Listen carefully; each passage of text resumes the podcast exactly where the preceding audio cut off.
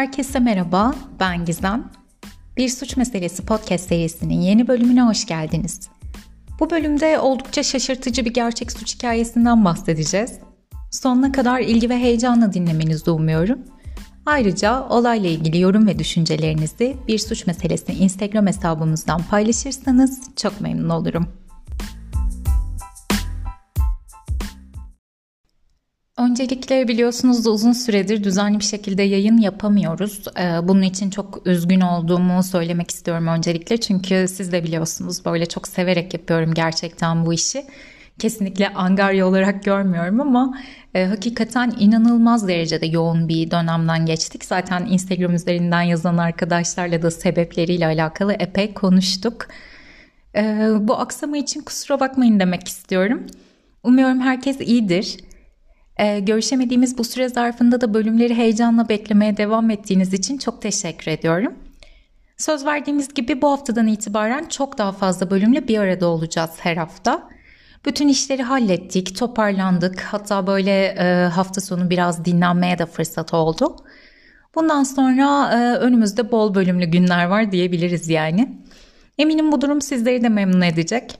Ben böyle ara verdiğim zamanlarda çok daha heyecanlı hissediyorum açıkçası. Hem yayınları hazırlarken hem de daha sonrasında hem e, podcast platformları hem de YouTube için e, kayıt alırken. Bu bölümü de büyük bir heyecanla hazırladım haliyle. Yeterince ara verdiğimiz için çok fazla uzatmadan yeni bölümümüze hemen başlıyorum. Bugünkü ilk yolculuğumuz Las Vegas'a olacak.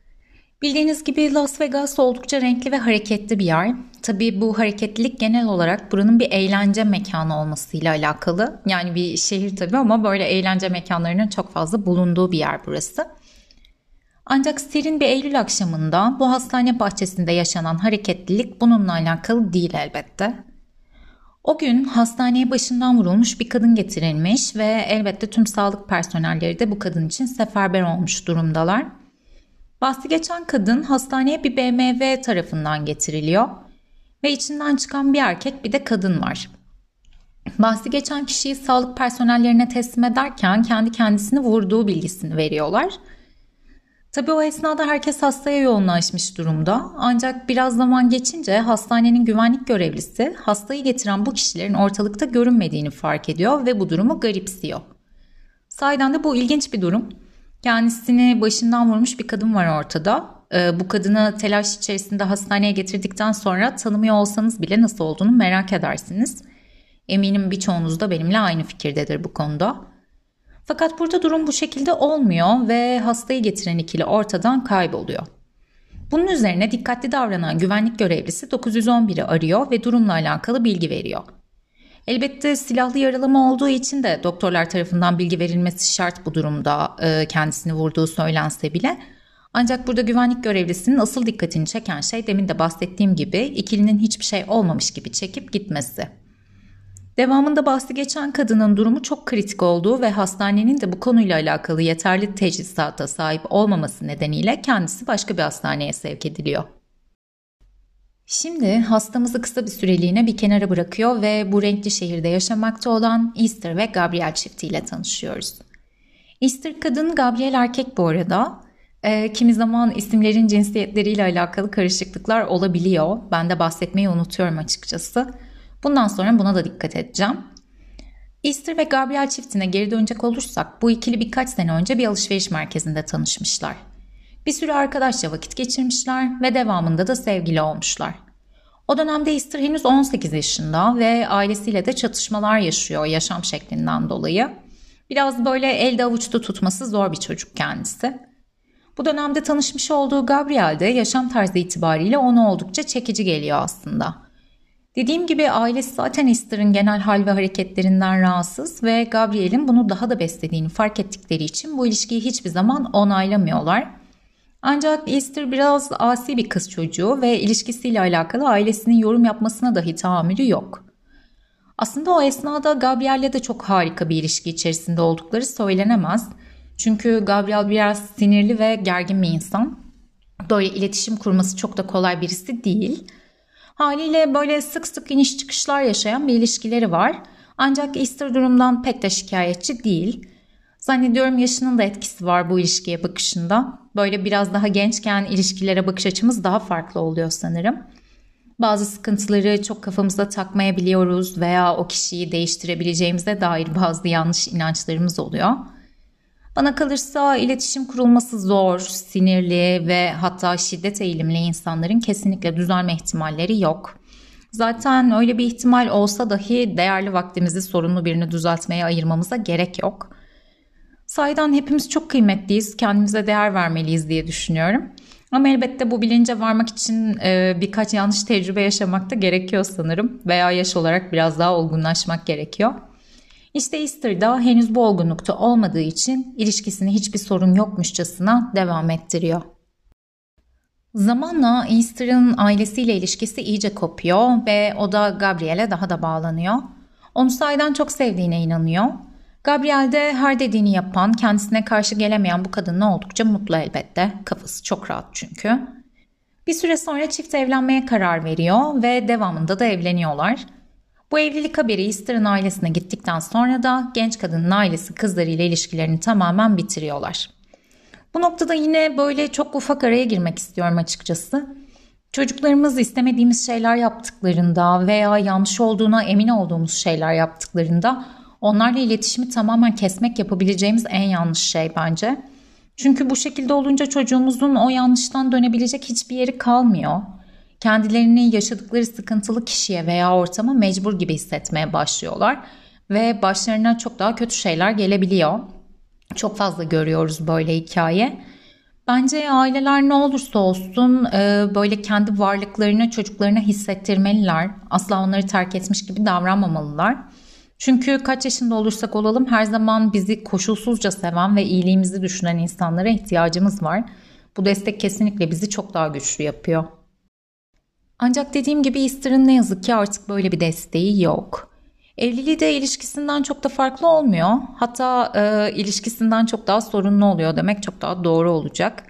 Gabriel'in baskıcı ve sinirli tutumu daha da artarak devam ediyor bu süreçte. E, Easter'a fiziksel anlamda şiddet göstermeye de başlıyor hatta. Easter'da kocasını sevdiği için tüm bunlara tamam diyor ve hayatına devam ediyor. Sevgi sandığı şeyin korku olması da muhtemel çünkü fiziksel şiddetin raddesi gün geçtikçe artıyor ve Easter artık kendi evinde kendisini güvende hissedemiyor. Hatta bir gün Gabriel ona sinirleniyor ve zavallı kadını tek eliyle boynundan tutarak çekiştiriyor. O anda Easter Gabriel'in kendisini boğarak öldüreceğini düşünüyor. Hatta sonunda öldürecek beni diye düşünüyor. Ancak neyse korktuğu olmuyor. Fakat şiddet de asla bitmiyor. Devamında şiddetin haricinde başka sorunlar da yaşanmaya başlanıyor. Gabriel Las Vegas'ta bir eğlence merkeziyle epey içli dışlı. Burada ufak bir işi de var ve eşi Easter'ı da burada çalışması için zorlamaya başlıyor. Yapmasını istediği iş eskortluk. Bir zaman sonra da Easter burada eskort olarak çalışmaya başlıyor. Bu arada burada araya girerek ufak bir bilgi vereceğim. Ee, Gabriel Easter'ı bu konuda zorlamadığını ve aslında kendisi yokken daha kendisiyle e, tanışmamışken de Easter'ın escort olarak çalıştığını iddia ediyor. Ancak Easter'ın ve Easter'ın ailesinin iddiası kendisinin bu işe zorlandığı yönünde. Bu arada escortluğun manası da yani en azından o şehirdeki, o merkezdeki manası da bahsi geçen eğlence merkezine gelen kişilerle birlikte içki içmek ve sohbet etmek e, cinsel birliktelik olmuyor. Bahsi geçen yerde bu konuda oldukça sıkı kurallar varmış hatta. Ancak her durumda bir kadın için oldukça zor ve keyifsiz bir iş olduğu da bir gerçek. Aynı zamanda tüm bunların haricinde bir sorunları daha var çift olarak. Bu da Gabriel'in çapkınlığı. Sizin de tahmin edebileceğiniz gibi çalıştığı ve vakit geçirdiği mekanlarda çok fazla kadın çalışıyor ve Gabriel'in de bu kadınlarla Easter'ı rahatsız edecek derecede yakın ilişkileri oluyor Sık sık tartışma yaşıyorlar bu konuda ama Easter artık epey ezilmiş durumda ve tartışsa bile bir noktada bu durumu da kabul ediyor. Yüksek ihtimalle ailesiyle de iletişimi koptuğu için geriye dönecek bir yerinin de olmadığı inancında. Şimdi daha önce bahsettiğimiz serin Eylül gününe hastaneye geri dönüyoruz. Ufak bir hatırlatma yapmam gerekirse bir kadın kafasından vurulmuş bir şekilde hastaneye getirilmişti Hastaneye getirenler de bir kadın ve bir erkekti. Devamında durumu kritik olan kadın hastanede yeterli ekipman olmaması sebebiyle başka bir hastaneye sevk edilmişti. Bahsi geçen kadın ne yazık ki Easter'dan başkası değil. Easter vurulduktan sonra oldukça hayati bir yerden vurulduğu için oldukça kritik durumda. Doktorlar beyin ölümünün gerçekleşmesini bekliyorlar. O sırada 911 yetkililerine haber gitmesi üzerine de hastaneye bir ekip yollanıyor ve hastanenin güvenlik kameraları inceleniyor. Kameralarda bahsi geçen kadın ve erkeğin hastaneye yaralı kadını taşıdığı ve ardından da araçlarına binerek gözden kayboldukları görülüyor. Bu noktada elbette araçtan ve görüntülerden bahsi geçen kişinin kimliklerine, kişilerin daha doğrusu kimliklerine ulaşılıyor. Bu kişilerden erkek olan Easter'ın eşi Gabriel'den başkası değil. Kadın da yine Gabriel'in vakit geçirdiği mekanlardan birinde striptizci olarak çalışan Mayer isminde birisi. Bu durum elbette yetkililerin epey dikkatini çekiyor. Çünkü bir insanın kendisini kafasından vurmuş olan eşini hastaneye bırakıp sonrasında da hastaneden gitmesi hiç olağan değil. Aynı zamanda yanında bulunan Mayer isimli kadınla ne gibi bir ilişkileri var ve o kadın neden orada bunu da şüpheli buluyorlar. Elbette hemen eve giderek e, Gabriel'i almak istiyorlar ancak kendisini evinde bulamıyorlar. Geçen dört günde de kendisinden hiçbir haber alınamıyor. Ancak bu arada kendisinin evi için bir arama kararı çıkarılıyor ve evdeki büyük yatak odasında ciddi, ciddi miktarda kan izlerine rastlanıyor. Hatta yapılan çalışma ve inceleme sonucunda da bu kan izlerinin temizlenmeye çalışıldığı da anlaşılıyor. Panik halde bir şeyler toparlanmaya çalışılmış ancak başarılamamış gibi görünüyor. Dediğim gibi 4 gün boyunca Gabriel'den hiçbir haber alınamıyor ve kendisi hakkında arama kararı çıkarılmış durumda. Bu süre zarfında Easter'ı hastaneye getirenlerden biri olan Mayer'e de ulaşılamadığı için birlikte olduklarına kanaat getiriliyor. Aynı karar Mayer için de çıkarılıyor. Kayıp olan ikili bir benzin istasyonunda kameralara yansıyorlar ve beraber kaçtıkları anlaşılıyor. Ve aranmalarının dördüncü gününde de ikiliye ulaşılıyor ve tutuklanıyorlar. Bu arada Easter hala çok kötü durumda. Durumu oldukça kritik. Doktorlar hiçbir şekilde hayata dönebileceğini düşünmüyorlar. Aynı zamanda vurulduğu bölge itibariyle infaz tipi atış olarak tanımladıkları bir atışa maruz kaldığını belirtiyorlar. Yani Easter'ın kendisini kafasının bu bölgesinden vurmasının imkansız olduğunu söylüyorlar. Kafasının arka bölgesinden vurulmuş kendisi Sonuç olarak herkes ölmesini bekliyor. Doktorların yanı sıra Gabriel ve Mayer de bunu bekliyorlar aslında. Ancak beklenen olmuyor ve Easter hayata dönüyor. Bunun bir mucize olduğundan söz ediyor doktorlar. Elbette kurtulsa dahi çok hayati bir, hayati bir bölgeden vurulduğu için ilk anda toparlanması mümkün olamıyor. Başlangıçta kafatasının sağ bölgesini tamamen kaybediyor. Sahiden çok korkunç bir şey yaşıyor. Kafasının görüntüsü de var. Eğer bu görüntüyü bulabilirsem paylaşacağım. Devamında da çok zor bir operasyon daha geçiriyor ve kafatasının bu bölgesi tekrar yerine koyuluyor. Yani aslında Easter ölümden dönmek deyiminin tam karşılığı diyebiliriz. Elbette bu sırada mahkeme süreci de başlıyor. Easter başlangıç aşamasında konuşamaz durumda ancak birkaç kelimelik cümleler yazabiliyor. Yani bilinci yerinde sadece konuşamıyor. Kendisini eşi Gabriel'in vurduğunu ve başka bir şey hatırlamadığını söylüyor. Geçirdiği zorlu operasyonlar ve aldığı ciddi vuruş hafızasını e, kötü etkilemiş durumda elbette. Bu noktada savcıyla görüşmeler yapıyor, bildiklerini hatırlamaya çalışıyor ancak ne yazık ki çok da başarılı olamıyor. Bu süreçte Gabriel ve Mayer de ifadelerinin arkasında duruyorlar ve zavallı kadının kendisini vurduğu konusunda ısrarcı oluyorlar. E, doktorların bunun mümkün olmadığını açıklamasına rağmen nasıl bu şekilde davranabildiler sahiden çok şaşırtıcı. Fakat bu noktada e, şunu söylemek çok önemli. Bu ikili Easter'ın hayatta olduğundan yani daha doğrusu e, bir şekilde bu içinde bulunduğu bilinçsiz halden, bitkisel hayattan çıktığından habersizler. Yani vurulan kişinin e, hala bitkisel hayatta olduğuna ve bir şey anlatamayacağına inanıyorlar. Savcı ve yetkililer tarafından da Easter'ın kendileriyle konuşabilecek durumda olduğu yani artık hayata döndüğü bilgisi gizleniyor. Böylece ikilinin hazırlıksız yakalanmalarını umuyorlar. Çünkü zavallı kadının uyandığını bilirlerse buna göre yeni bir yalan ifade üzerinde çalışabilirler. Böyle bir şansları olabilir. Elbette Easter'ın da rehabilitasyon süreci devam ediyor bu esnada. Zavallı kadın hem hareket kabiliyetini hem de hafızasını geri kazanmaya yönelik birçok ek tedavi alıyor. Çok zorlu bir süreç geçiriyor gerçekten. Ve bu noktada da bir şeyler hatırlamaya başlıyor. Easter'ın hatırladığı vurulmadan önce yatak odasında bir kadını yakaladığı ve ardından da eşi Gabriel'in bu kadına vur onu diye bağırdığı.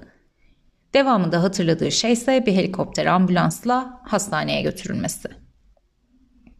Elbette bu oldukça önemli bir bilgi. Çünkü o ana kadar aslında Gabriel ve Mayer arasındaki bağlantı kurulamamış durumda.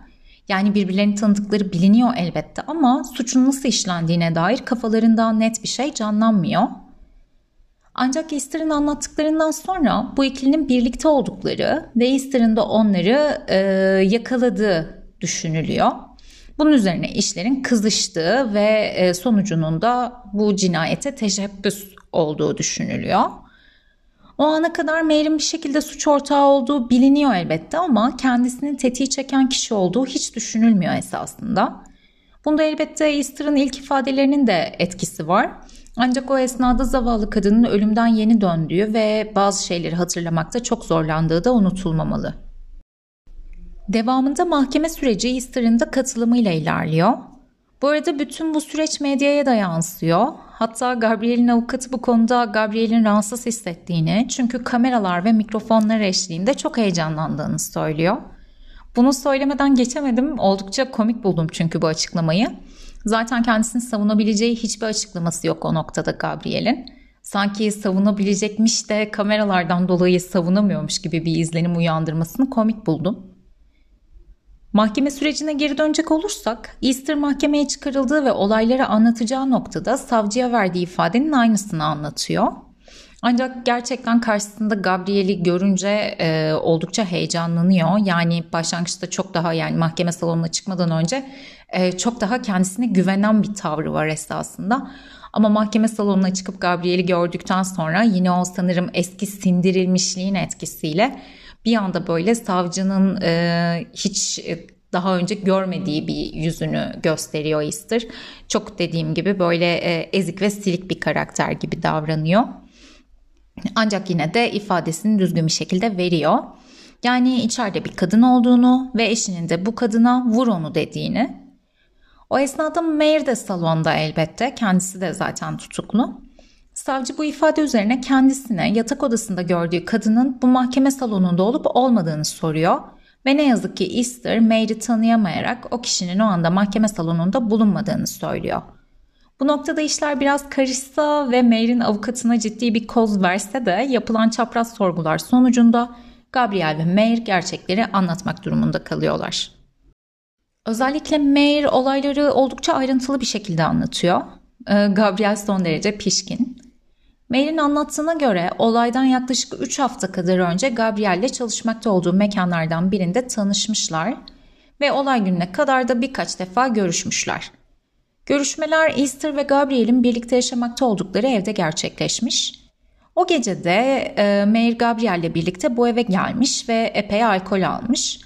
Ardından da uyumuş. E, elbette uyuduğu yer e, Gabriel ile Easter'ın yatağı. Devamında Easter eve gelmiş ve Gabriel onun yatak odasına girmesine engel olmaya çalışmış. Ancak işten yorgun argın gelmiş olan kadın odasına girmek istemiş ve Gabriel'le tartışmaya başlamışlar. Elbette bu esnada e, orada birilerinin olduğundan da endişe etmiş. Çünkü dediğim gibi e, Gabriel onu sürekli olarak aldatıyor esasında. Bu yüzden e, odaya girmek istiyor ısrarla. E, devamında Mary ne olduğunu anlayamayarak eline silahı alıp kapıya doğrultmuş. Bu arada silahlar Gabriel'in zaten iki tane silahı varmış. O esnada da Easter durmadan kilitli olan yatak odası kapısını zorluyormuş. Sonunda kapıyı açmayı başarmış ve yataktaki kadını ve kendisine doğrulttuğu silahı görmüş. Devamında Gabriel vur onu diye bağırmış ve ne olduğunu anlayamayan Mayer panikle iki el ateş etmiş. Bu açıklamaların sonunda Gabriel asıl azmettirici olduğu için 26 yıldan 75 yıla kadar Mayer de tetiği çeken kişi olarak 12 yıldan 35 yıla kadar hapis cezasıyla yargılanıyor.